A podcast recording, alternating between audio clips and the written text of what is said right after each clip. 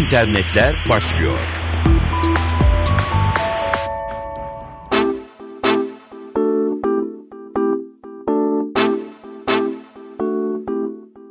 Merhaba, dijital dünyanın gelişmeleriyle karşınızdayız. Antalya'daki 4. Uluslararası Terörizm ve Sınır Aşan Suçlar Sempozyumunda bilişim suçları tartışıldı. Siber Güvenlik Enstitüsü uzmanı Ünal Tatar da konuşmacılardan biriydi.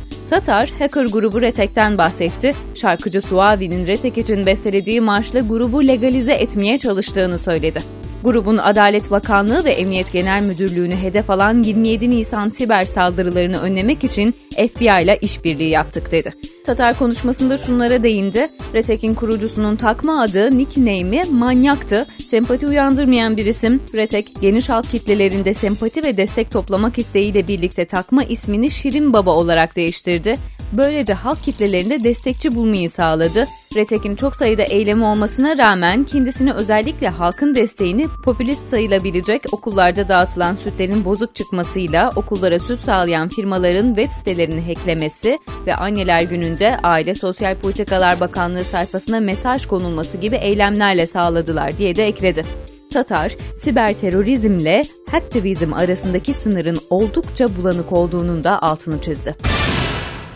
Antalya'da aynı sempozyumda Emniyet Genel Müdürlüğü'nde görevli bilişim uzmanı Bilal Şen de gerçek dünya ile bağlantılı sanal suçları anlattı. Sanal dünyada tecavüz, avatar katli, sanal ürün hırsızlığı, kara para aklama, çocuk istismarı, kumar gibi suçların işlenebileceğine işaret etti Şen. Güney Kore polisi yılda 10 bin sanal hırsızlığı duyuruyordu, biz şaşırıyorduk, şimdi ülkemizde de bunlar yaşanıyor diye konuştu. Sosyal medyanın biyolojik ve bireysel dönüşüm, yüz tanıma çalışmalarını da gerçekleştirdiğini anlatan Şen, Facebook'ta yüz tarama uygulamaları var. Bir mağazaya gittiğinizde yüzünüzden tarama yapılarak isminizle hitap edilebilecek. Yararlı tarafları olduğu kadar yararlı olmayan yanları da olabilecek. Ne kadar gelirinizin olduğu, ne kadar alışveriş yaptığınız yönünde bilgilere sahip olabilecekler. Bu şekilde mahremiyet kalkacak, insanlar yüz tanımından kurtulabilmek için estetik cerrahlara başvuracaklar dedi.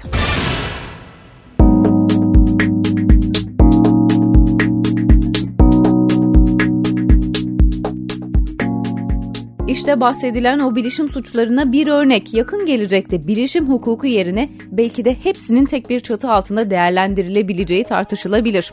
Rus hackerlar Rusya'dan Avustralya'da bir medikal kliniğe saldırıp hasta kayıt sistemini kırdılar ve sistemi kullanılmaz hale getirip tekrar şifrelediler. Şifre karşılığında ise 4000 dolar fidye talep ettiler.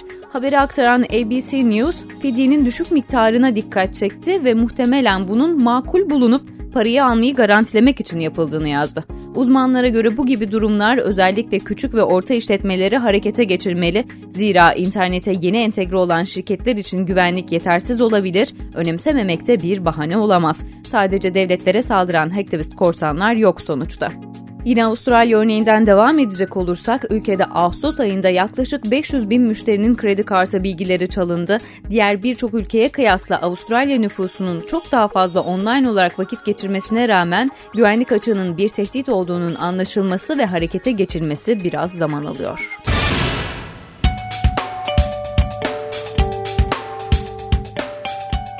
İnternet bu haberle çalkalanıyor. Apple geliştirdiği harita uygulamasına darbe üstüne darbe alıyor deyim yerindeyse. Bilişim devi aleyhine son açıklama da bir devletten geldi, Avustralya'dan. Avustralya'da polis Apple Maps kullanmayın diye vatandaşlarını uyardı. Gerekçe olarak da bu haritayı rehber olarak kullanan birçok kişinin ülkede kaybolma vakaları yaşaması gösterildi. Son olarak uygulamayı kullanarak bir şehre varmaya çalışan ondan fazla motorcu kayboldukları çöl arazisinden 24 saat sonra kurtarılabildiler. Yetkililer tespit ettikleri bölgeleri sayarak buraya gidecek kişilerin Apple haritalardaki sorunlar giderilinceye kadar başka harita uygulamaları ve basılı haritalardan yararlanmalarını istedi. Apple, Eylül ayında Google Haritalar uygulamasını terk ederek kendi harita uygulamasını öne çıkarmıştı. Ancak uygulamanın yönlendirme sistemindeki eksiklikler kullanıcıların büyük tepkisiyle karşılaşmış, CEO Tim Cook da özür dilemek zorunda kalmıştı. Instagram'dan çektiğiniz fotoğraflarınız Twitter'da görünmeyecek demiştik, bültenimizde aktarmıştık ama çözüm hemen bir üçüncü parti tarafından geldi bile. Çözümün adı InstaTweet. Uygulama internet tarayıcısı Google Chrome uzantılı. Kullanım kolaylığı eskisiyle yine benzer. Uygulamanın gönderdiği kısa yola tıkladığınızda fotoğrafı Twitter'dan çıkmadan zaman çizelgesinin içinde açmak mümkün. Uygulamanın tek eksik tarafı sadece Chrome kullanıcıları için çalışması olabilir. Öte yandan Chrome tarayıcısının ne kadar yaygın kullanıldığı da su götürmez. Diyelim ki Instagram kendi sitesine yönelen trafiğin trafikteki kalma sürenin azalması nedeniyle bunun önüne geçmeye çalıştı ve bağlantı adresini değiştirdi. InstaTweet buna karşı da hazırlıklı olduklarını ve yeni bir güncelleme ile bu sorunun olmayacağını belirtiyor.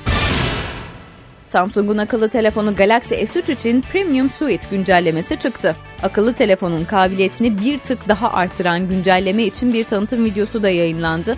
Güncelleme Samsung Galaxy Note'da olduğu gibi kullanıcıların iki ayrı uygulamayı ekranda aynı anda çalıştırmasına izin veriyor.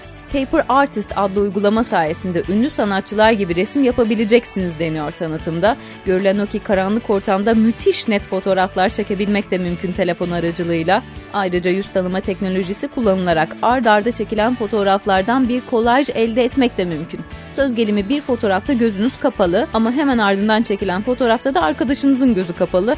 İkinizin de beğendiğiniz yüzleri seçip aynı karede buluşturmanız mümkün ve çok pratik. Bizden bir kuşak öncesinde özellikle teknolojiye ayak uyduramamış büyüklerimiz de unutulmamış, kolay mod özelliği aktif hale geldiğinde en temel telefon bilgisiyle akıllı telefon yönetilebiliyor.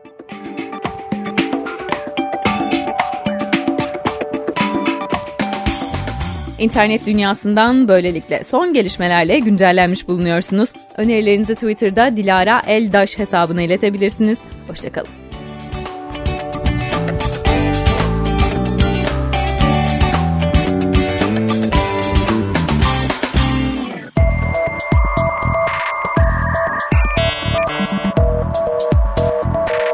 İnternetler sona erdi.